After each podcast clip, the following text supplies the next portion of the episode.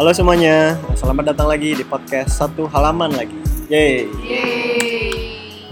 Nah, balik lagi sekarang di episode 2 uh, setelah kita kemarin berapa lama nggak record. Nah, sekarang kita bakal mau bahas buku nih uh, yang judulnya itu When The Scientific Secrets of Perfect Timing. Pengarangnya itu Daniel Pink. Nah, uh, si Wen ini buku apa sih sebenarnya? Nah, itu bakal kita bahas di episode ini. Terus penulisnya juga, terus bagaimana implementasiin uh, buku ini atau impression kita lah terhadap buku ini di satu episode ke depan.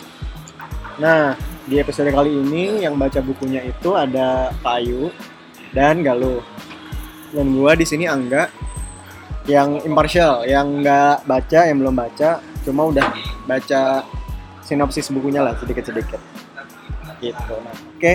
uh, daripada lama-lama lagi, langsung kita mulai aja episode kedua ini.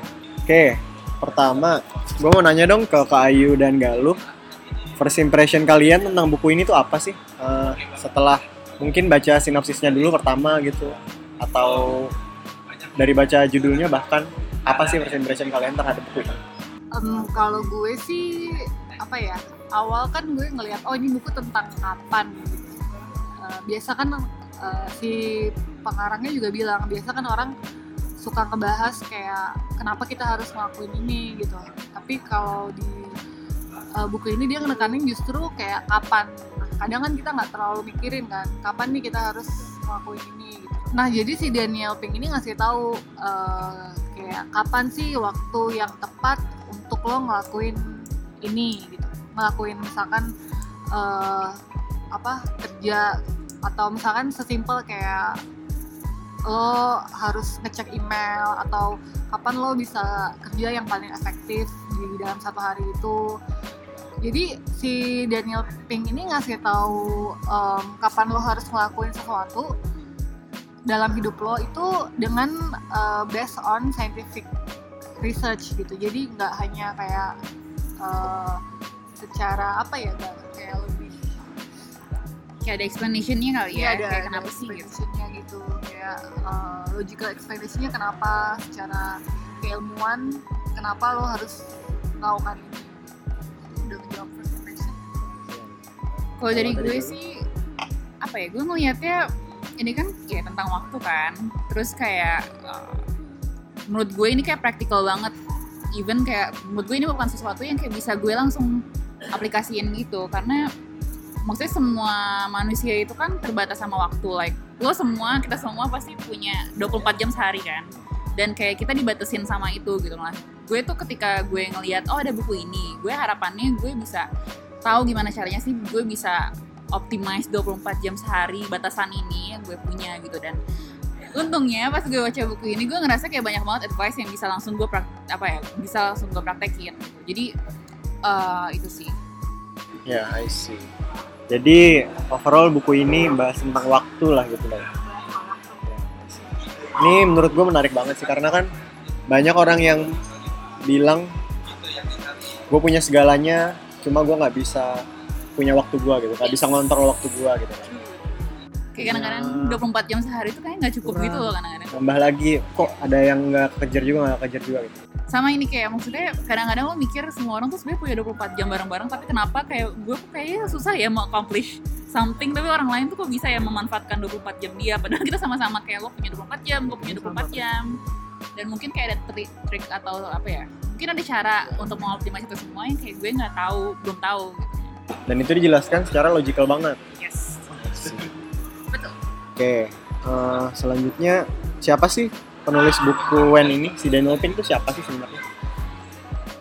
si Daniel Pink ini setahu gue dia itu pernah nulis buku juga jadi gue pernah baca bukunya yang judulnya The Drive Eh, bukunya tentang kayak eh, apa ya kayak lebih bagaimana lo bisa ke termotivasi gitu apa sih yang ngedrive lo untuk uh, ngedrive manusia itu untuk termotivasi untuk ngelakuin sesuatu. Dan itu juga seingat gue based on beberapa research gitu. Nah gue taunya dia itu sih. Lo gimana gal? Gue belum tahu gue kayak nggak belum tahu tentang penulisnya sih sebelumnya. Jadi baru tahu di buku ini. Tapi bukunya lumayan gue sering lihat dipajang sih di toko buku. Oh berarti udah ada versi Indonesianya juga? Udah. Plus. Oh di Periplus, I see. cuman kayak beberapa temen itu juga apa sih udah udah baca buku itu jadi kayak emang lagi Kalau tadi gue sempat eh, googling dikit, apa namanya related writernya sih macam Simon Sinek, terus Malcolm Gladwell, nah, mirip-mirip gitu sih ya. Mungkin mirip Daniel Kahneman juga Daniel Kahneman. dan itu dibahas juga di bukunya sih kayak maksudnya ada beberapa Di bukunya dia yang sekarang. Ah, ada beberapa yang diambil dari Kevin Fast and Slow Oh, I oke, interesting. jadi sama Oke. Terus eh, sebelum kita mulai bahas bukunya secara dalam, menurut kalian siapa sih yang cocok buat baca buku ini gitu? Biar para pendengar nih kalau udah denger dari sekarang nih bisa kayak nge-relate oh kalau gua kira-kira cocok apa enggak nih baca buku ini. Menurut kalian siapa yang cocok? menurut gue semua orang sih semua ya karena semua semua orang semua orang terbatas dengan waktu jadi kayak pasti lo bisa get something out of this gitu. No matter kayak pekerjaan lo apa no matter uh, umur lo berapa gitu. Karena juga advice-nya general gitu loh bukannya kayak directed ke misalnya orang yang kerja aja atau orang yang misalnya um, orang masih muda aja gitu. Ya, bisa bisa banget kok buat semuanya. I see. jadi kayak advice-nya emang banyak dan uh, general gitu Mungkin karena ini juga kali ya, karena waktu kan emang bener-bener broad banget, topik yang sangat-sangat broad itu semua orang ya punya referensi yang sama waktu buat buat semua orang yang sama gitu lah. Oke, eh, terus topik yang paling menarik dari buku ini menurut masing-masing dari kalian apa sih? yuk galuh dulu deh Gali dulu coba. Yang gue. yang gue harus dengar, yang listener harus dengar gitu. gue itu baru nyadar bahwa ternyata sebenarnya eh, masing ini kalau ngomongin hari ya ternyata kayak hari itu ada patternnya sendiri gitu. Gue tuh kadang-kadang suka dulu tuh emang suka ngerasa ngerasa sih kayak oh kayaknya kok gue kalau misalnya di pagi hari kayaknya gue lebih bisa mikir terus di sore hari kayaknya gue apa ya kayak udah mulai Tuh. ngantuk capek udah mulai nggak konsen segala macam. Kayak gitu-gitu. Nah cuman kan gue masih belum tahu nih scientific explanationnya apa. Kayak gue cuma mikir oh itu cuman kayak perasaan gue doang gitu. Tapi ternyata di buku ini jelasin kalau misalnya buat masing-masing orang itu ada emotional pattern yang kayak lo ikutin tiap hari. Dan itu semua apa ya pattern itu tuh sama di semua manusia. Regardless lo tinggal di mana regardless culture lo apa regardless lo uh, professionnya apa gitu. Pattern general patternnya tuh mirip gitu. Jadi nah jadi kan biasanya kalau misalnya kayak lo ditanya eh, satu hari itu lo kalau misalnya lo bisa ngebagi ke beberapa section lo baginya apa sih? Biasanya kan apa pagi sore malam atau pagi siang malam gitu kan. Nah di sini tuh ternyata dia ngejelasin bahwa sebenarnya ada emotional stages yang kayak kita laluin juga di satu hari gitu. Nah dia em, jadi ini dia ngejelasin case study yang dilakuin sama Cornell University. Dia uh, nge-analyze sebenarnya dia nge-analyze ini dari Twitter. Jadi dari data-data Twitter kan banyak tuh ya kan? Banyak 500 juta tweets dia coba analyze. Nah dari situ dia nemuin uh, emotionally stage yang dilalui orang-orang tuh apa sih gitu. Nah pertama ada yang namanya morning peak. Jadi biasanya kayak sejam atau dua jam abis lo bangun gitu biasanya tuh orang-orang kayak feel good lah. Maksudnya uh, happy terus feeling pretty good segar gitu kan. Nah terus bener yang kayak uh, ini mirip sama pattern gue sih. Terus ternyata kalau misalnya kayak mulai sore-sore gitu udah biasanya ada namanya afternoon trough. Jadi kayak apa ya bias- biasanya kayak misalnya lo habis Bawaannya udah ngantuk. ya lo pada udah makan nih. Harapannya kan kayak lagi. seger lagi segala macam. Tapi ternyata ujung-ujungnya lo ngantuk lagi. Biasanya jam 3 3 sore tuh jam-jam rawan gak sih? Kayak jam 3 jam 4 gitu udah rawan udah lo udah gak konsen nah tapi anehnya kadang-kadang suka ngerasa gak sih kayak misalnya lo pulang kantor malam-malam Seger lagi. seger lagi ya kan Iya. kayak biasanya kan lo mikir oh kalau misalnya gue jam 3 udah capek ekspektasinya capek terus kan Iya. kayak gue kayak udah capek deh emang hari ini I'm done gitu jam segini gitu tapi ternyata pas lo pulang kayak lo bisa main malah seger lagi atau bisa nah itu ternyata itu emang ada patternnya jadi kayak biasanya ah, emang kayak gitu gitu. Dan kayak gue pikir eh, kok gue aneh banget sih? Kayak kenapa gue nggak bisa fokus? Karena nggak fokus aja sih seharian di kantor atau misalnya di sekolah gitu. Tapi ternyata emang patternnya umumnya begitu. Gitu. Jadi eh, ternyata ini juga udah ini sih udah dibuktiin sama eh, Daniel Kahneman juga.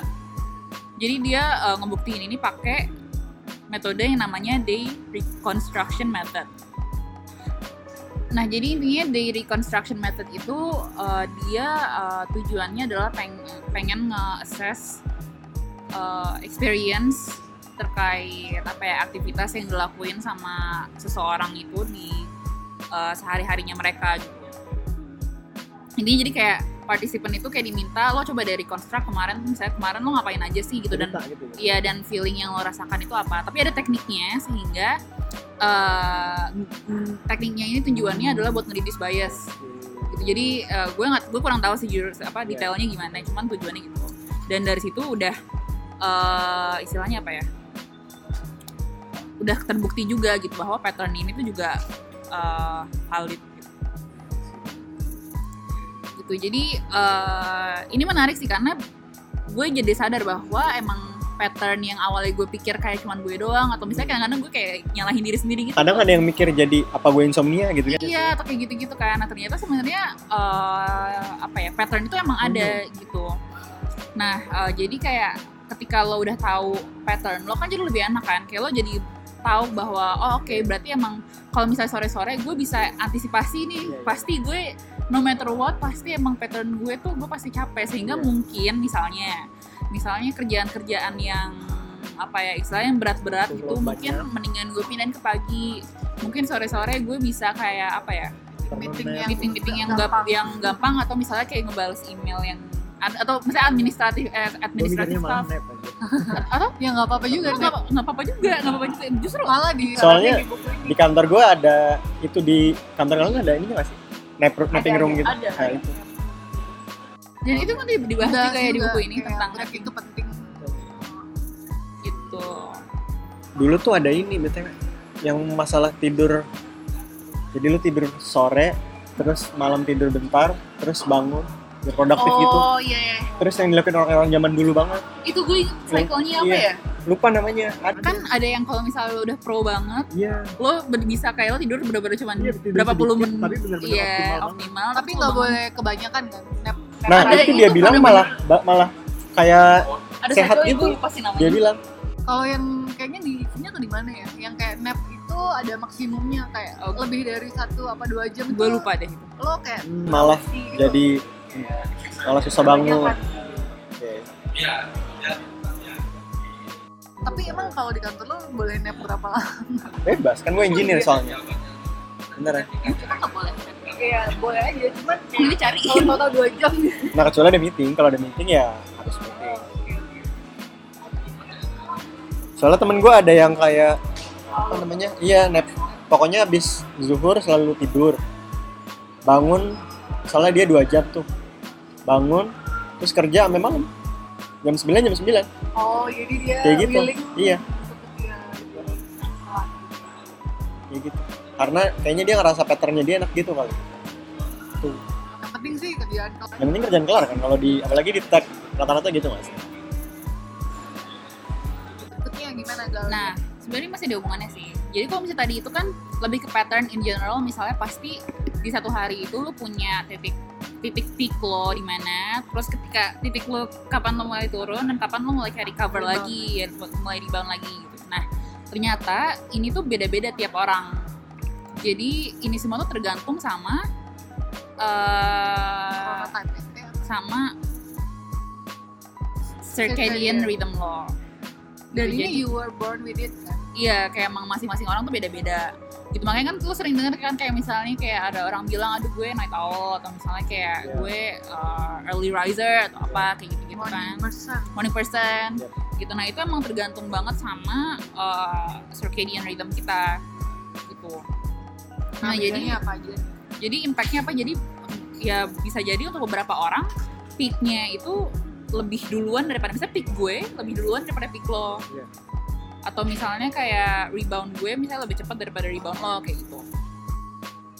Nah jadi eh, apa ya perasaan yang lo apa ya yang lo rasakan how, apa ya how you feel di di waktu-waktu tertentu itu namanya adalah chronotype. Jadi chronotype ini jenisnya ada tiga dan masing-masing orang tuh pasti ada eh, punya chronotype sendiri. Nah jadi pertama ada yang namanya the lark the lark ini adalah orang-orang yang biasanya suka bangun pagi terus apa ya istilahnya eh, emotional high-nya terus kayak low-nya itu biasanya lebih cepat daripada orang lain. Gitu jadi kayak morning peak-nya morning peak-nya sama afternoon rough-nya mungkin lebih cepat. Itu the lark. Nah terus ada lagi yang namanya the owl. The owl ini biasanya kayak apa ya orang-orang yang gak suka bangun pagi terus mungkin lebih efektif kalau misalnya kerja malam-malam itu the owl nah ada lagi namanya the third bird dan ini uh, biasanya sih ini most people sih. Ya. jadi kayak nggak pagi banget tapi nggak malam banget jadi kayak tengah-tengah. Gitu ya Kayak- pattern standar kayak gue. Nah. Gue bangun kayak jam 8 jam 9 ya itu agak-agak nggak morning banget tapi Hmm. nggak siang nggak banget. late nah itu juga ada cara ini ada cara eh mana sih Kido gue? bukan ini cara untuk nentuin Nah itu ada cara gue nentuinnya. Kalau gue udah ngitung, gue udah ngitung kalau misalnya Ah. gue third bird. Cara ngitungnya gimana? Nah coba nih, ini langsung praktekin aja ya. Lo bangun biasanya, wait. Nah lo biasanya tidur jam berapa? Biasanya tidur gue jam 3 pagi. Tiga pagi. Iya. Tiga pagi. berapa jam tidurnya itu itu sejak kerjaan yang baru tapi Pekerjaan yang baru. tapi sebelumnya Sebelumnya jam setengah dua lah. Gak jauh beda. Nggak jauh beda. Oke. Gue malam. Oke. Eh biasanya lo bangun jam berapa? Nah, biasanya gue kalau nggak puasa, kalau nggak sahur itu bangun jam setengah sepuluh lah. Setengah dua. Eh nggak aja setengah dua ya. Nggak aja lo tidur setengah dua, bangun setengah sepuluh. Nah itu berapa jam tuh? 8 jam pas. Eh, tengah-tengahnya itu ada di jam berapa? Tengah-tengahnya itu. tengah ini maksudnya gimana deh kayak misalnya setengah dua, setengah tiga, setengah empat, setengah lima, setengah enam, Setengah enam berarti. setengah enam. Iya. Oke, berarti nah di sini tuh nggak kelihatan sih grafnya, cuman Iya. intinya di apa di buku WEN ini ada ada graf yang ngegambarin eh, normal distributionnya. Eh enggak ding, bukan ya? Di buku WEN ada intinya ada chart yang lo bisa mapping kalau misalnya waktu apa ya middle apa sih tadi waktu tengah-tengah Iya, lo? misalnya tadi berapa? Setengah Setengah- empat. Setengah enam. setengah eh setengah enam sorry. Iya. setengah enam berarti lo masuknya itu ke awal. Eh enggak deh awal ya? Iya, ini awal. kayak agak antara awal sama third bird sih. Third bird. Lima. Itu gue malam banget sih tidurnya. ya nggak sih? Gue gue kalau setengah enam gue jadi gak bisa baca. Mana sih 6.30 ini ini kan lima Gua 5 apply am tuh masih third bird. Tapi ini kan AM eh oh iya six ya iya ya kayaknya third bird antara- juga tapi udah di ujung Iya dia tail. ujung-ujung nantinya antara third bird sama owl gitu. Nah biasanya orang-orang itu masuknya third bird kayak gue. Gue bangun, gue tidur jam 12, bangun jam intinya tengah-tengah gue tuh jam 4 pagi. Nah itu third bird. Owl tuh juga satu persen. Larks tuh 14 persen. Nanti mungkin kita bisa masukin grafnya kali ya ke post Instagram nanti atau gimana. Biar kalian bisa ngeliat. oke lo Ayo. biasanya mulai kerja di sebelum setengah tiga Jadi kalau dulu di kerjaan gua tuh, gua kan 9.30 bangun. Gua berangkat jam 10, sampai kantor jam 11. Terus jam 11 tuh biasanya gua cuma paling buka GitHub, buka email, belum mulai kerja optimal gitu. Gua baru mulai kerja optimal tuh siang tapi itu dikit. Kayak cuma bener-bener gua kerja bener-bener cuma misalnya se- sejam atau dua jam tuh. Sisanya ya paling baca-baca gitu doang, nggak kerja optimal banget gitu. terus yang optimalnya di jam Nah terus gue pulang kantor tuh jam let's say jam 7 misalnya atau setengah 8 Terus lo kerjanya kapan? ya itu Nah. itu kalau gue tuh emang Malam. iya malam kayak gimana ya gue baru ngerasa gue tuh kalau sekalinya lagi produktif kayak pengennya nggak berhenti berhenti gitu tapi kalau emang lagi nggak produktif mau gue paksain gimana pun jadinya kayak nggak apa ya nggak semangat aja gitu. Terus progresnya juga mungkin iya, progresnya nggak se- pas iya. produktif ya. ya. kayaknya. Gue pernah bikin presentasi nih. Bener-bener gue baru bisa bikinnya tuh tiap jam 12 setengah satu gitu. Malam. Iya malam. Iya, kalau siang tuh gue coba nih ujung-ujungnya kayak buntu aja gitu nggak siang pagi tuh buntu aja nggak bisa Akhirnya kita ketemu sama lark. Serius, dari kemarin Karena kayak- contoh lark itu misalkan beberapa penulis terkenal itu bangun pagi, eh bangunnya tuh siang, terus kayak ngopi dulu, main dulu, browsing, ya bukan Iya, browsing, iya. apa ya, belum zaman dulu jalan-jalan, YouTube. jalan-jalan dulu ntar kalau sebelum jam tidurnya dia dia malah bagus-bagusnya. Sedangkan kayak gue, gue tuh kalau kayak analytics atau apa yang itu kalau bisa pagi, apalagi sebelum lunch itu kalau bisa segitu sih. Terus Gitu. makin ke belakang itu kerjaan yang nyantai-nyantai yang butuh kreativitas Balik. gitu gue malah belakangan aja gitu karena gue udah lebih nyantai gue juga kayak gitu deh pattern gue basic gitu gue ngerasa juga ini sih soalnya kalau gue tuh kalau pagi atau siang tuh terkesan banyak distraction gitu misalnya ada temen nanya ada temen ngechat ada ngapa-ngapain. Nah kalau malam nggak bener-bener nggak ada gangguan. Gue di kamar sendiri. Udah nggak ada dari luar juga udah nggak ada suara. Gitu kan. Pas orang-orang pas orang-orang tidur. Bener-bener. I see, I see, I see. that makes sense. Katanya juga kalau misalkan lo nyetir itu kalau lo lark itu lo kayak di jam-jam lo baru bangun tidur itu lo kurang alert sebenarnya. Oh. Jadi kayak lo harus aware itu dan lo harus hati-hati sih kayak misalkan kalau gue kayak lebih morning kan pagi-pagi mungkin gue lebih Iya iya iya iya. Gue gue sering nyerempet sih bener. karena bener berarti bener bener berarti. belum bener-bener Iya iya. ya iya. on oh, gitu iya. Tapi terpaksa harus ada rencana jam berapa, ada jam jam berapa gitu. Masuk kelas jam berapa.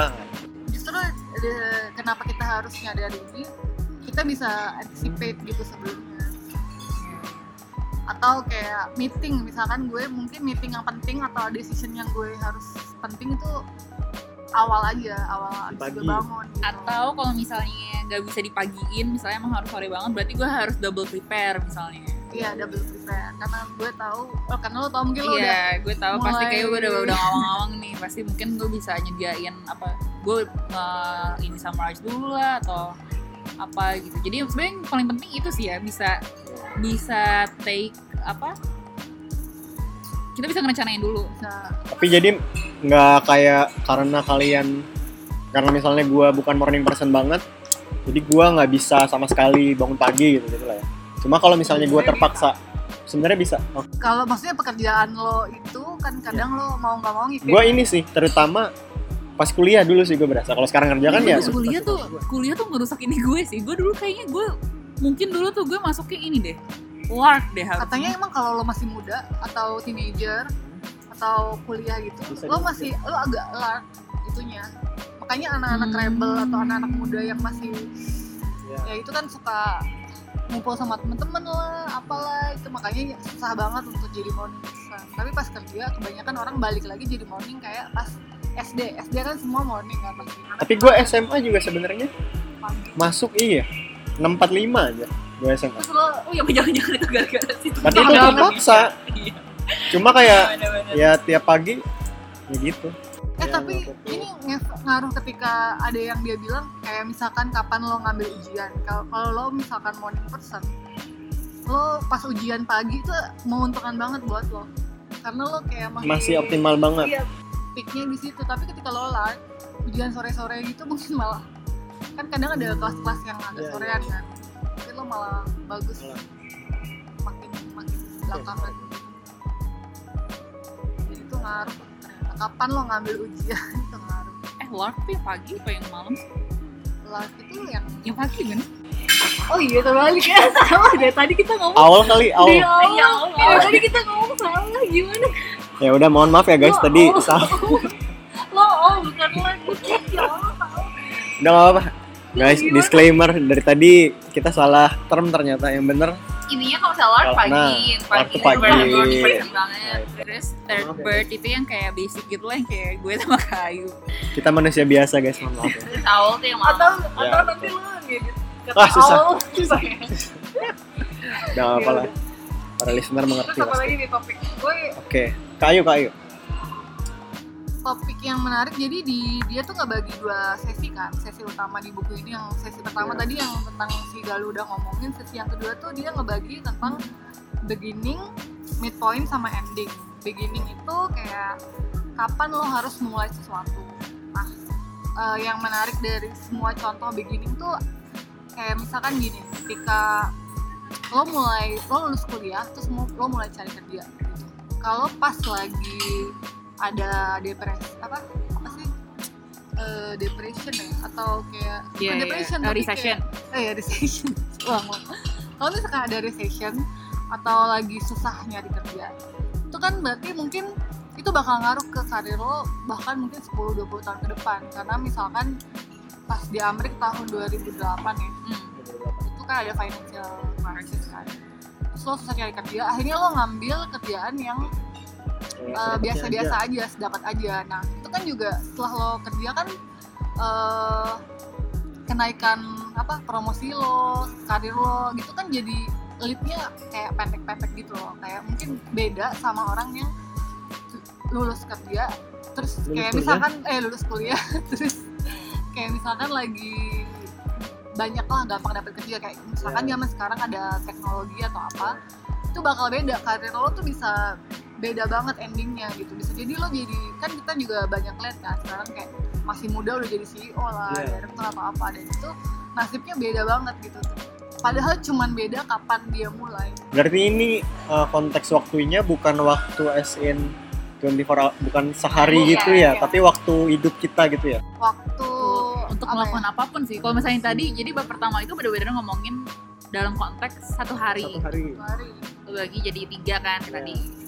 Kalau yang bab dua tuh benar-benar yang kayak in the, in the Iya, iya. general sense kayak General banget. beginning itu apa? beginning itu ya kayak misalkan memulai apa gitu kayak misalkan Iya, lo kalau kuliah komputer science kan lo komputer Iya. science kan terus kayak 10 tahun lalu lo lulus kuliah mungkin lo eh, karirnya beda Ya, mas, sama sekarang kan lagi rame banget nih. sekarang lagi rame banget atau 10 tahun lalu Tahun lalu nggak serame ini sih. Nggak tahu 10 tahun ke depan gimana. kayak gimana ya, Ya. mungkin bakal beda kan Beda. dan itu kayak ngaruh banget untuk lo ke depannya Dan apa ya mungkin pemerintah ketika tahu itu yang bisa dilakukan pemerintah misalkan dia kayak kalau di Amerika sih dikasih contoh misalkan lo beberapa tahun ke se- apa di awal lo mulai kerja lo nggak harus bayar student loan-nya kayak gitu-gitu jadi kayak mencoba meringankan Nggak harus bayar st- student loan-nya.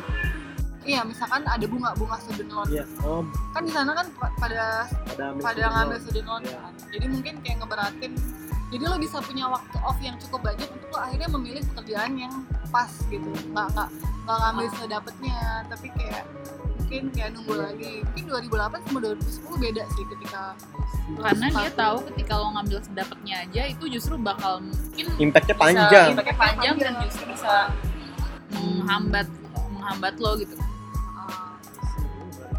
Terus beginning juga kayak dia bilang orang-orang tuh kebanyakan pengen apa memulai sesuatu tuh fresh start gitu. Jadi kayak misalkan orang gue pengen resolusi di pas uh, tahun baru apa? Iya pas tahun Iya, baru pas gitu. tahun atau pas gue ulang tahun atau pas momen ketika uh, gue jadian atau Ya, kayak baru gitu, lulus gitu. Nah kadang itu emang itu bagus sih kayak tuh bikin apa ya lo ngerasa ada sense apa ya barunya itu loh. Hmm. Jadi lo kayak mencoba untuk ngelakuin sesuatu dengan maksimal dan ketika lo udah ngelakuin sesuatu dengan bagus di awal lo tuh kayak pengen small win small win itu lo kayak ketumpuk ketumpuk gitu ke belakangnya. Jadi kalau lo di awal udah ngelakuinnya udah bagus. Oh bakal iya. Kayak juga momentumnya udah ada, kebangun. Iya. Karena lo udah Apa sih snowball effect, snowball effect Iya. gitu tuh nambah terus. jadi kalau misalkan awalnya nggak terlalu bagus dia nyadarin kalau bisa di Tunda aja dulu. lagi. Ya kalau nggak dicari new start yang baru yang bisa ngebentuk momentumnya gitu. Menarik juga kan. Itu beginning. Terus kayak midpoint ada yang namanya midpoint. Midpoint. midpoint itu jadi lo nyadar kalau eh, di siklus hidup kita itu mid itu justru kritikal. Kayak misalkan dia ngasih contoh di Amerika tuh ada selama satu bulan atau apa ya ada tradisi orang Yahudi atau apa ya untuk menya- menyalahin lilin atau apa gitu ada ritualnya gitu. Nah regardless uh, orang-orangnya itu religius apa enggak itu biasanya mid ketika di pertengahan bulan pertengahan periode itu orang-orang udah mulai kehilangan semangatnya gitu dan mulai peak lagi nanti di akhir.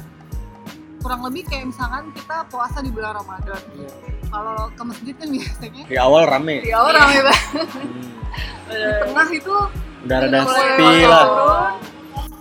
terus kayak di akhir itu baru di- iyalah rame lagi. Dan justru di tengah itu rawan ketika lo ke- ikut ke bawah malesnya itu kadang lo udah males. Mikirnya udah kayak ah udah biasa gitu sih? Jadi ketika mungkin dengan menyadari itu lo jadi kayak anticipate lagi Iya, iya. kayak tadi kayak kayaknya gue bakal tengah-tengah gue bakal demo demot deh. Jadi kayak gue kita, kita doing something new apa gitu misalnya. Hmm, Iya. buat anticipate itu ya. atau katanya gini misalkan lo ngetargetin sesuatu mungkin di tengahnya aja atau Hmm. misalkan lo targetin ke angka 100 target lo ke angka 50 aja gitu. Jadi ketika di tengah lo mulai baru lagi ngetargetin ngerti nggak? Eh tapi itu bener sih. Iya, menarik menarik gue gue ngerasa itu kalau misal lari sih. Kalau misal lari misalnya kayak gue apa ya gue gue maksain pokoknya gue harus satu putaran gue harus benar-benar lari kencang ah, kadang-kadang justru gue pas tengah-tengah tuh gue nih kayak ah udahlah gue capek. Capek. Tapi ketika gue terus habis itu beberapa hari beberapa saat kemudian gue kayak mulai nge-planning kan kayaknya gue mau nge-plan aja deh kayaknya gue lari dari pintu kalau misalnya di GBK dari pintu satu ke pintu selanjutnya gue lari. Iya. terus habis itu eh ini gue gue pokoknya yang penting gue sampai sana gitu. Teng, teng- pas tengah-tengahnya emang rada-rada lambat tapi kan ininya kan cepet lagi kan dan momentumnya tuh terus terus kejaga gitu. Dan kayak oh juga sih pas gue lihat recordnya emang jadi lebih cepat terus kayak hmm. Oh jadi lo targetinnya nggak usah enggak, jauh-jauh enggak. banget kalau misalnya gitu. enggak langsung yang kayak gue satu harus satu putaran enggak gitu. Cuman kayak gue bener-bener kayak uh, gue pecahin kecil-kecil dan kadang-kadang emang tengah-tengah gue ada lambat sedikit tapi langsung ke ini lagi sama momentum yang selanjutnya. Yang pas fresh start yang di pintu di gate selanjutnya tuh kayak langsung cepet lagi gitu. Terus kayak, hmm, basically ini ini nggak sih divide and conquer nggak sih? Algoritmanya nggak sih? Oh iya ya mirip banget kan? Kayak gimana? Jadi intinya tuh itu di computer science. Jadi lu bagi masalah ke masalah yang paling kecil. Oh terus nanti jadi dari masing-masing lu conquer satu-satu lu solve satu-satu ntar di akhir baru lu gabungin lagi iya ya agak mirip ya. Iya. jadi satu lu bagi dua dua bagi empat empat bagi delapan terus yang paling kecil? Di mid pointnya selalu di mid pointnya selalu limit poinnya tengah-tengahnya kan? Oh divide and conquer berarti iya ya? mirip banget. Iya iya iya benar iterasi terus. Iya karena nyelesain kecil tuh lebih bagus tapi lu kayak konsisten. Daripada lu coba langsung berat tapi ter operasinya lama atau apa misalnya gitu. Gila, menarik sekali. Tapi kadang memang kalau kita udah separuh jalan itu kayak iya tanggung nih. Iya udahlah gue selesain gitu itu midpoint. Terus yang terakhir itu ending. Ending itu tuh dia justru nge-highlight biasnya kita. Kadang itu kita suka ngeliat sesuatu dari endingnya aja jadi dia ada Akhir gitu maksudnya. ya hasil akhir. Jadi kayak misalkan dia kasih contoh ada suatu riset.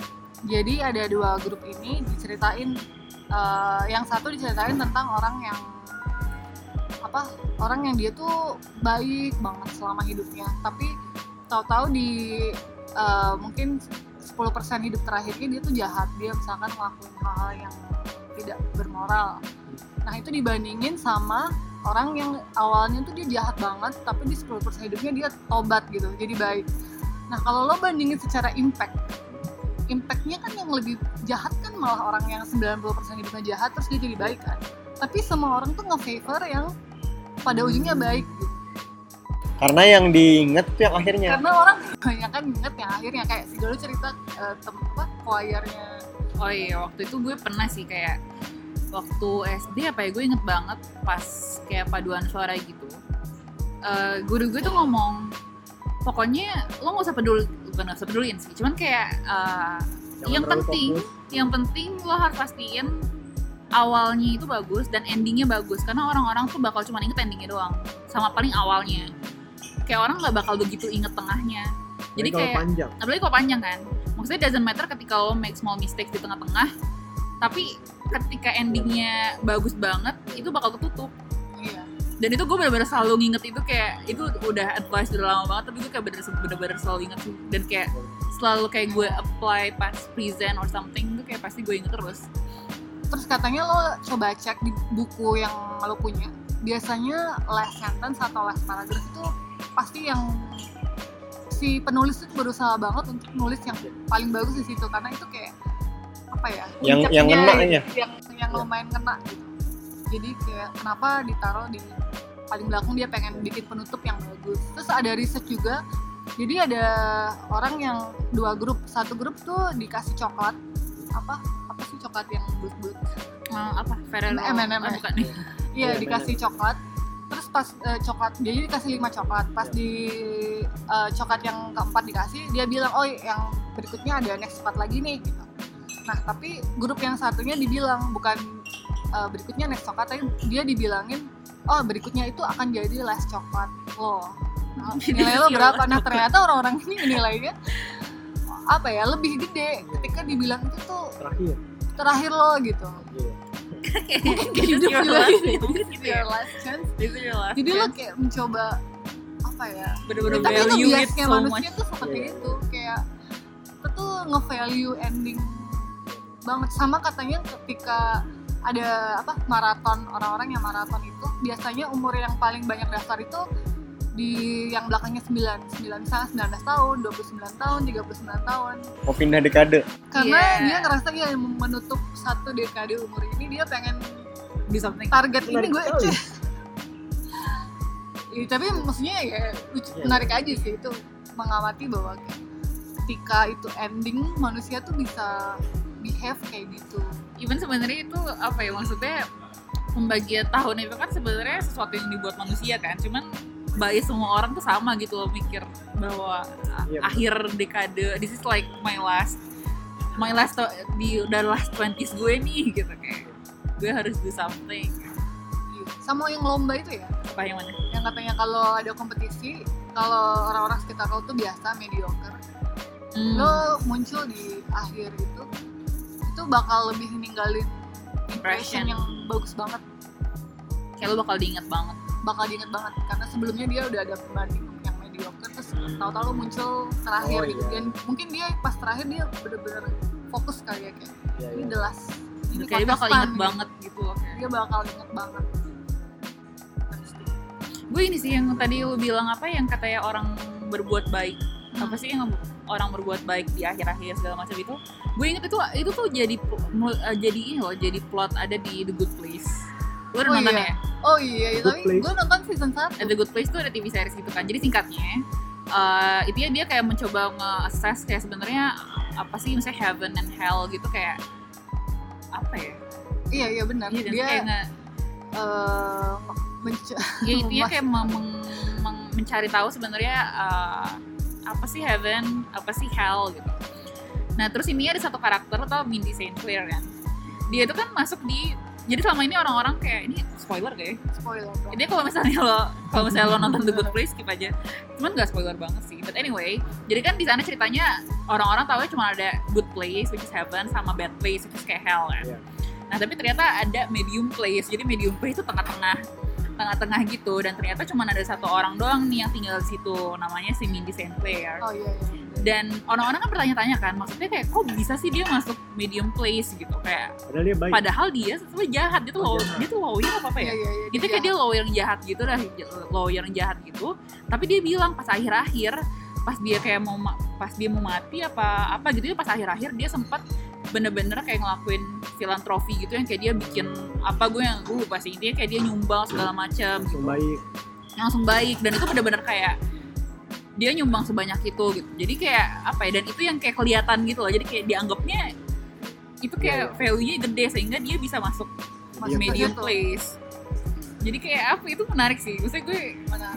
kayak hmm, ya gue gue jadi gue inget sih pas pas denger itu ya kayak gitu ya. Lo nonton Game of Thrones kan? nah itu gue baru mau bahas.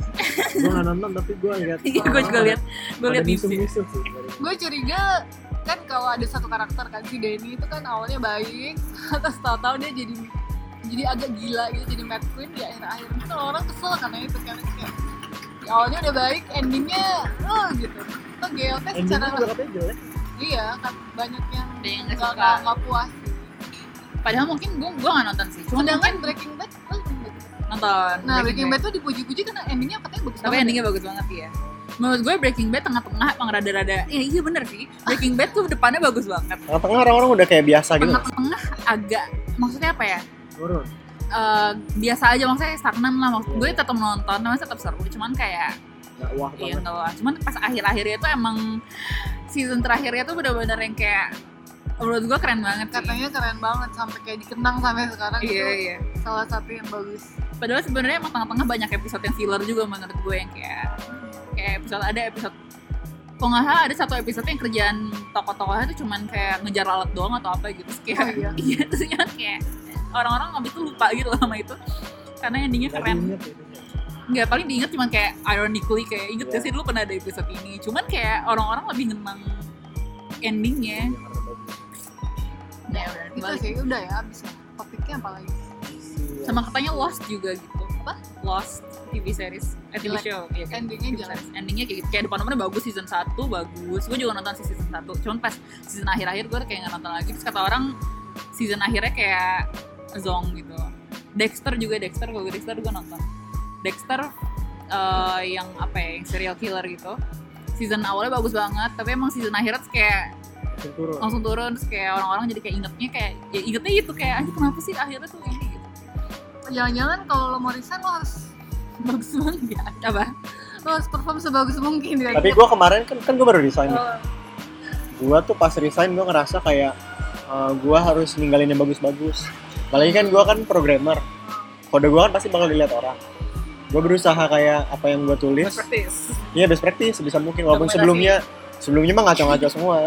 Cuma biar istilahnya kalau orang ngelihat kode gue kayak gue ninggalin good impression. Seenggaknya gue kayak nggak nyusahin mereka lah gitu gue mikirnya. Itu pas akhir pas akhir banget. Kayak dulu spaghetti Dulu, semua. iya. Yang penting bisa jadi. tapi bagus juga sih memang kayak gitu ya. Ya mereka bakal inget endingnya. Iya. kalau mau ngomong idealnya sih sebenarnya terus-terusan bagus. Cuma kan dunia tidak ideal. Banyak lika-likunya oke. Terus gue ada pertanyaan nih Eh tadi kan gak lu bahas topik yang masalah gimana kita gimana hari itu dibagi ber- berdasarkan section section terus kayak tipe orang beda-beda gitu kan. Itu bisa dilatih nggak sih di buku ini dijelasin nggak? Kayak misalnya kan gua kan lebih suka bangun malam terus eh tidurnya malam banget terus bangunnya siang-siang gitu. Itu bisa diubah nggak sih kalau gue tahu. Gue ya yang gue tangkep sih bukan diubah patternnya tapi ya itu antisipasi kayak gimana caranya kayak isinya ini something yang lo udah given gitu loh. Gimana caranya lo bisa ngoptimize given this condition gitu. Gimana caranya lo bisa optimize? Mungkin gue kalau mungkin entah kalau entah bisa atau enggak gue seingat gue sih nggak dijelasin ya. Gue banding misalkan lo all gitu ya. Terus pengen lo jadi- pengen jadi Iya. orang ini sih biasanya sih udah mulai banyak kayak tuntutan misalnya dari kantor atau misalnya kan banyak tuh yang kerjanya shift ya kan? Misalnya dia sukanya pagi baru optimal pagi cuma dapat shiftnya iya ditukar malam kan nggak bisa nolak kan? Karena emang ada rotasi gitu misalnya. Kan mau nggak mau harus di ya nyesuaiin. Tapi menarik sih gue inget baru inget di buku ini juga dijelasin ada uh, company yang kayak uh, nyoba untuk nge-arrange kayak shiftnya ini berdasarkan uh, iya. pat- pattern chronotype dari orangnya. Dan ternyata uh, di buku ini sih dibilangnya hasilnya bagus maksudnya kayak lebih produktif karena masing-masing orang get to perform at their optimal time gitu. Jadi menarik sih. Cuman ya gak nggak seideal itulah. Gak seideal itu sih. Nggak bisa nggak nggak bisa ngarepin semua company. Kayak gitu. Cuman mungkin gue nggak tahu sih apakah bisa berubah atau enggak ya. Maksudnya gue ngerasa ya kayak dulu misalnya gue lebih kayak Clark dibandingin sama Third Bird terus sekarang gue jadi Third Bird kayak gara-gara kebiasaan mungkin kalau lu misalnya dipaksa bangun pagi terus-terusan gitu nggak sih? Bisa mungkin ngaruh. iya kayaknya sih. Kayaknya kebiasaannya ya tapi kebiasaan. tendensi susah kali ya. Karena Iya, kalau ini ternyata tuh dibuktinya gitu you're born with it katanya. Even lo mau nge-train kayak gimana karena emang rhythm. Kalau lo nggak ada misalkan pas holiday atau apa ke bawah Iya, itu iya. kayak gitu. Kalau nggak ada pressure ya balik Ah, lagi. Hmm. balik lagi ke situ. Padahal gue pikir itu kayak kebiasaan aja orang iya iya iya, kebiasaan loh. karena biasanya kita masalah gitu-gitu jatuhnya gua nggak tahu sih. Lebih ke bukan take it for granted sih cuma kayak ya jalanin aja apa yang ada gitu masih bangun terus tidur lagi yang ngantuk ya tidur gitu. Kayak gak sebelum ini gue kayak nggak pernah segitu nge-question Iya. kayak apa sih sebenarnya? Kenapa sih gue kayak gini? gitu kan. Kayak udah jalanin aja. Tapi gue jadi nge-value waktu pagi gue sih. Jadi kayak kan lo kalau tau bisa- ini optimal time lah ya kalau bisa jangan yang maksudnya kalau yang perlu gue mikir atau apa ya kalau bisa di geser ke pagi gitu makan. Terus kan gue pernah baca masalah ini masalah sleep pattern sih. Ada kayak gue lupa namanya apa cuma kayak banyak saintis zaman dulu tuh eh, kayak bikin sleep pattern gitulah. Yang kayak dia tidurnya tuh sedikit-sedikit cuma disebar di beberapa hari. Seingat gue Da Vinci deh salah Iya, satunya. iya, Da Vinci. apa eh, hyper eh, apa sih yang potongan-potongan itu nah iya nih yang Ada namanya nggak? poli poli- Nah. Polyplastic sleep Gua lah- Nah itu gue nggak tahu. kayak. Kalau gue pernah uh, lihat artikel ada yang nyoba, dia di beberapa minggu pertama tuh pusing banget. Pas hari-hari tuh dia kayak malah jadi grumpy gitu. Kayak bawaannya ngantuk soalnya kan, karena tidurnya cuma sedikit. Iya, terus kayak lu ini gak sih kayak misalnya lo baru tidur dibangunin orang Wah itu kayak mah nggak enak kesel banget, kan? iya nggak enak banget. kayak pengen ngamuk gitu Ya gitu gitu. Nah itu nggak dibahas di buku ini. enggak enggak sih tapi itu circadian rhythm kan dibahas di Why We Sleep yang gue itu loh. oh tapi ya ya Agak kayaknya itu kan? mungkin di, di gue nggak tahu sih mungkin dibahasnya di situ ya Ada buku lain. Why ada buku tentang Oh. Why kayaknya banyak lagi Mungkin. banyak orang untuk promote sleeping sih kayak Mungkin kalau mungkin. Ariana Huffington oh iya yang ya, dia alright. ngeluarin buku tentang sleeping juga kalau nggak Hmm. salah kayak dulu tuh orang kayak diagung-agungkan banget ketika tidurnya sedikit kayak gue dulu juga honestly kagum banget sama temen gue yang tidurnya 4-5 jam gitu tapi kalau mungkin ada yang memang natural kayak gitu ya Hmm. tapi kayak sekarang tuh udah banyak research kayak sleep deprivation sih? Ya, sleep deprivation. deprivation sleep deprivation itu bisa bikin Penyakit. Oh, lo I see. menurun Kalau masalah kan orang umum taunya tidur harus 8 jam, itu yang mereka tahu nggak sih? Jadi misalnya tidur jam 10 atau tidur jam 9 ya ditambahin 8 jam baru bangun optimalnya segitu. Itu dibahas nggak di buku ini kayak yang bener tuh emang segitu atau Kayak nggak harus? itu enggak ya gue nggak inget sih nggak nggak kayaknya nggak nggak nggak dibahas ya. tapi setahu gue itu natural sebenarnya kayak 8 jam itu nggak nggak wajib segitu Nggak pasti 8 jam gitu ya? Nggak, mak- maksudnya ada orang yang katanya untuk tahu lo tuh butuh berapa jam tidur lo tidur satu jam early earlier dari jam tidur yang biasa nanti bangun naturalnya jam berapa? Tanpa alarm. Hmm. dicoba gitu terus itu baru tahu oh jadi lu eksperimen. Iya eksperimen. Kayak sebenarnya lo tuh butuh berapa jam? Lo berapa jam? Gue kayaknya 8 deh. Gue juga Gue Dulu gue 7 tujuh. sampai 8.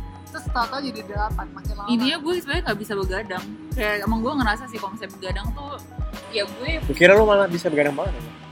gue gue be- maksudnya apa ya begadang bisa tapi gue tahu misalnya kayak gue belajar gue tahu itu nggak bakal masuk kotak gue jadi kayak sebenarnya gue dulu tuh kayak apa ya biasanya kuliah kadang-kadang gue suka maksain belajar itu gara-gara orang-orang misalnya belajar sampai malam ya nggak sih lu kadang-kadang suka ngeliat orang-orang ke story belajar sampai malam terus kayak gitu. iya kan terus kayak gue kayak anjir orang-orang belajar sampai malam terus gue jadi kayak nggak tenang gitu gara-gara kayak orang-orang belajar Ada pressure gitu ya? Enggak, iya kayak gitu tuh jadi lebih kayak ke itu aja sih peer pressure Iya, dari pressure. lo gimana dulu dulu kuliah juga belajarnya pas mal uh, malam Pas malam. Cuma nggak sampai kalau kuliah tuh ekstrim banget sih kuliah sih. Apalagi ya komputer science kayaknya ekstrim banget. Jadi banyak yang bener-bener makan nggak tidur gitu. Jadi bener-bener nggak tidur. Pagi langsung lanjut ujian. Terus siang baru tidur. Gitu terus tuh. Dua minggu ujian. Itu ekstrim Iya, banget sih. bener-bener. Itu ekstrim banget. Gue gue inget-inget aja Iya, gue juga inget parah. Itu emang ekstrim banget. Tapi gue nggak nggak segitunya itu. Gue udah pusing banget itu kalau kayak gitu. Terus saya pada belajar Pusing di banget. apa kumlot ya. Iya, itu dulu tuh ada gitu. kafe sekolahnya gitu lah. di dekat Jadi ada kafe gitu yang hampir 24 jam ya 24 jam. 24 jam Itu rame beneran. itu 24 jam beneran banget terus karena emang orang masih belajar Itu tapi pressure sih.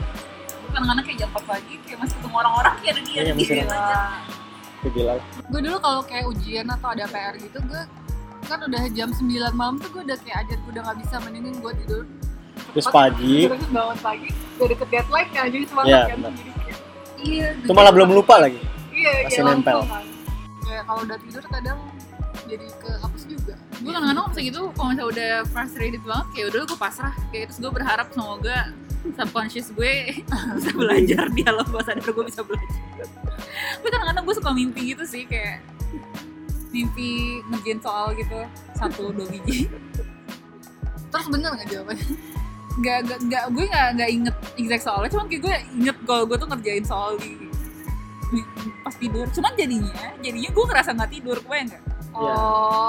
Karena lo mikir. Itu masih mikir Ya, tapi itu kesel banget sih. Itu enak banget gue juga pernah mimpi kayak dibagi kode gitu. Ya tapi itu beneran tapi pas gue coba beneran bisa? beneran bisa kayak.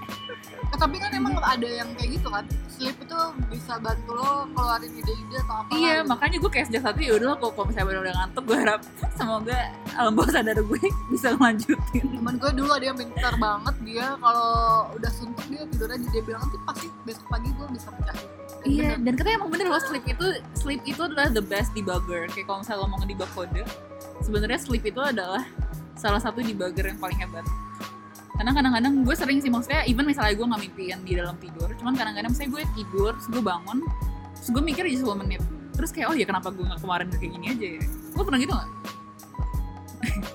Kayak gue sering banget kayak gitu. Jadi kayak ya dulu kalau misalnya emang udah pusing ya Tidur waktunya tidur Eh tapi kalau kayak gue itu cari ide kan di buku itu juga dibahas kan. Kalau misalkan lo morning person nih atau third bird, kalau bisa yang analytics atau yang cukup apa ya, strict yang butuh lo tuh otaknya kayak iya eh, kerja ekstra ekstra, tapi Dan bukan yang kreatif. dan harus objektif Ah, yang Iya, kayak bener-bener oh kayak math gitu misalnya Iya, yang math gitu-gitu. gitu, mendingan di awal.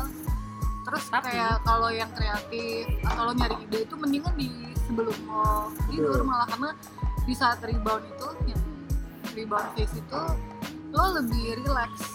Lo Iya. udah lebih relax sehingga lo bisa nyari jadi kayak lo otak lo apa ya kayak mikir ke mana-mana tuh lebih nggak di nggak di nggak dikekang dikekang. gitu loh kalau misalnya pagi-pagi kan lo alert masih kepikiran ini hari gua ntar bakal ada apa-apa Iya. gitu terus kayak lo emang alert se alert itu kan sehingga kayak lo ya itulah kayak lo udah plan lo udah alert jadi mungkin ngaruh ke pekerjaan lo kalau misalkan lo mungkin mesti apa yang kerjaan di art atau apa ya misalnya ya kreatif kreatif kreatif part itu ya disesuaikan aja gitu. Hmm. Menarik. Iya sih bener sih gue kadang-kadang misalnya kayak kepikiran kayak gitu-gitu nulis apa kadang-kadang di kereta kereta kan malam kan kalau di kereta malam kayak Mungkin kita discuss ke mana-mana. ini kalau pagi beda ya sama bisa jadi Bisa jadi. Karena udah lebih santai ya. selain nggak ada waktunya juga Oh, iya. tapi bisa jadi Kalau pagi mungkin ya? mungkin kayak nggak tahu sih. nggak tahu mungkin Kalau sekarang tapi lebih banget. ya mungkin lebih terstruktur ya. Kalau sekarang kan kayak tadi large sama oh ketukar gitu. cuman jadi kayak lo kepikiran bawahnya lebih santai Iya. lah mungkin kalau Mungkin jadi lebih santai gitu ya sih. Kalau pagi-pagi kan ya masa lo nggak masa lo nggak buru-buru. oke eh, selanjutnya menurut kalian seberapa praktikal sih buku ini buat diimplementasiin di kehidupan sehari-hari? Terus kalau emang praktikal contoh implementasinya gimana? Banget. Sangat praktikal contohnya apa ya? Contoh di, lo implementasiin di hidup lo deh. Contohnya running deh running.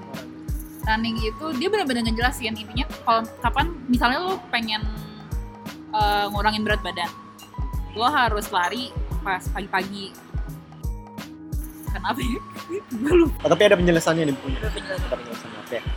Gue lupa kenapa cuman nanti ada penjelasannya. Kalau misalnya eh, kan gue lari malam jadi kayak gue nyari oke kalau misalnya gue lari malam fungsinya apa nih buat gue gitu? Misalnya lari malam tuh biasanya kalau misalnya eh, lo pengen lebih relax. Karena kan emang kalau misalnya pagi-pagi kan lo kayak ada ya tadi things ya.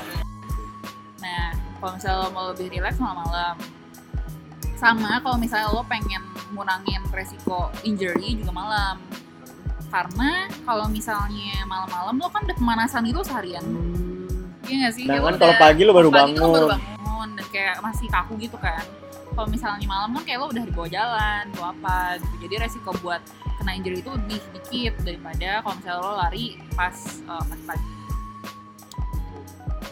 kalau dari kayu ada yang udah lo implementasiin gitu nggak di hidup lo Mungkin kayak kalau atau tadi analisis lo orang tipe Udah. apa gitu terus kayak misalkan bikin presentasi tapi itu sangat common ya kayak beginning Lo bisanya tuh kayak pagi? penting banget enggak Oh, tadi beginning, iya. beginning itu kayak mungkin kayak first impression itu Iya, betul. sepenting itu jadi ya mungkin kalau bisa ya yang penting-penting yang ini di atau lo fokus ke beberapa slide di awal karena itu kayak nentuin apakah Iya. si audiens lo bakal ngikutin lagi untuk ke belakangnya. Itu kali ya sama lagi. Iya. justru kalau presentasi ending mungkin enggak ya mestinya kadang kesimpulan sama intinya kita taruh di depan saran taruh di depan. Iya, benar. kalau presentasi banyak faktornya sih. Sama kalau terlalu panjang juga kan. Iya, terlalu panjang. Males. Apalagi Masih ya. tergantung audiens. lihat sikon itu juga jadi penting sih kayak tadi yang dia bilang cari kerja atau apa gitu Iya. ngeliat momen gue dulu gue dulu lulus kayak "Ah, ini kan belum ada Iya. lulus S1 environmentnya belum rame lah beda gitu kebetulan habis itu lanjut sekolah lagi pas pas lulus sekolah itu jadi kayak ada malah marketnya untuk yang jurusan yang gue ambil kayak ternyata Dan momentumnya pas di situ. momentumnya pas kayak apa ya mungkin lo harus banyak cari-cari tahu soal timing ketika lo untuk entry pertama kali. Oke any last words mungkin dari kalian? Mungkin pengen mengconvince orang-orang untuk baca buku ini atau mengconvince orang-orang Oh ini sih yang gue suka banget. Dia bilang bahwa I used to believe that timing was everything. Now I believe that everything is timing. Hmm. Boom. Jadi ya everything is timing sih. Everything is nggak sih? about time. Oh, ada satu lagi yang menarik nih. Dia waktu itu bilang hmm, beberapa negara yang kalau kita kan kita past tense sama future tense Oh itu menarik tuh ya seru-seru. present tense tuh cukup distinct nggak sih? Pokoknya jadi ada satu Iya. research kayak kalau di Cina itu eh, perbedaan antara future sama present sama past tense tuh nggak terlalu apa jelas untuk bahasanya Kalau English kan kayak bener-bener past tense. will gitu kan Present, present. I will Past go perfect. gitu. Kalau di Cina di kalau pakai bahasa Mandarin katanya I go tuh ini gitu kayak kayak gitu. Nah, abu-abu hmm, abu-abu. Hmm. Nah, ternyata katanya negara-negara yang eh, distinction antara tense-nya itu nggak terlalu strong itu eh, malah kayak nabung buat masa depannya lebih banyak. Kayak mereka lebih eh, peduli sama future. Future-nya tuh udah ke, ikut ke plan juga karena Ah, mereka wow. ngerasa Future itu nggak jauh. nggak jauh wow kayak not a different person in the future gitu mereka masih ngerasa sama gitu jadi Hmm. bahkan negara kayak mungkin kan bisa jadi Oh, gila, negara gila. barat kan kayak Skandinavia gitu dia bilang Ya. padahal sama-sama di, di Europe ya Iya, nah dia itu juga kayak gitu saving lebih saving atau apa. Tapi bisa jadi ada faktor lain. Cuman ini menarik menarik aja bagi dia kayak apakah ketika language itu maksudnya timing in, in language sense itu juga beda itu bisa Ngaruh ke situ gitu. Persepsi lo soal waktu itu bisa ngaruh ke behavior lo juga.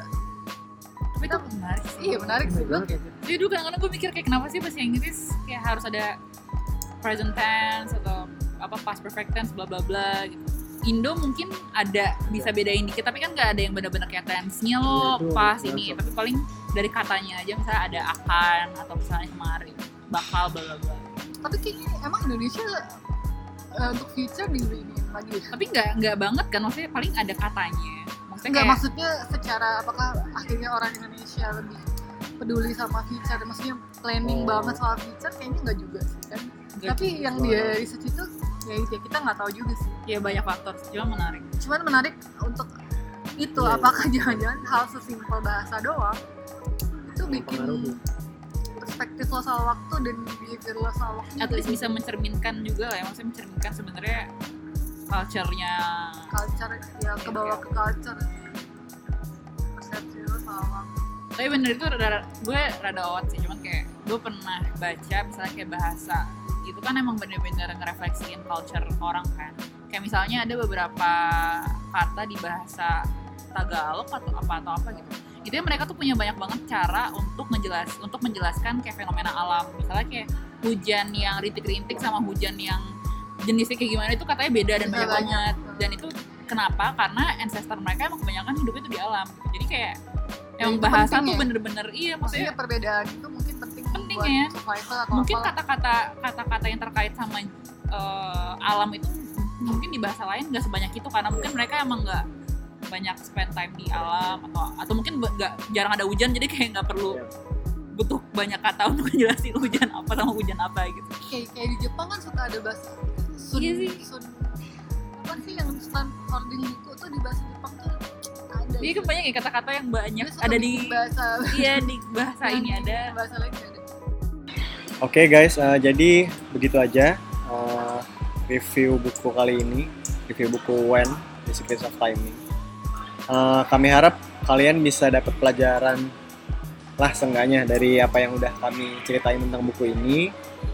Eh, terus jangan lupa kalau emang ada masukan tentang podcast kami atau mungkin ada buku yang rekomendasi buku rekomendasi buku yang pengen dibahas nih di episode-episode selanjutnya bisa langsung aja uh, komen di sosial media kami at satu halaman lagi Uh, sekian aja untuk episode kali ini sampai jumpa di episode selanjutnya dan have a good day bye bye Bye. Dadah.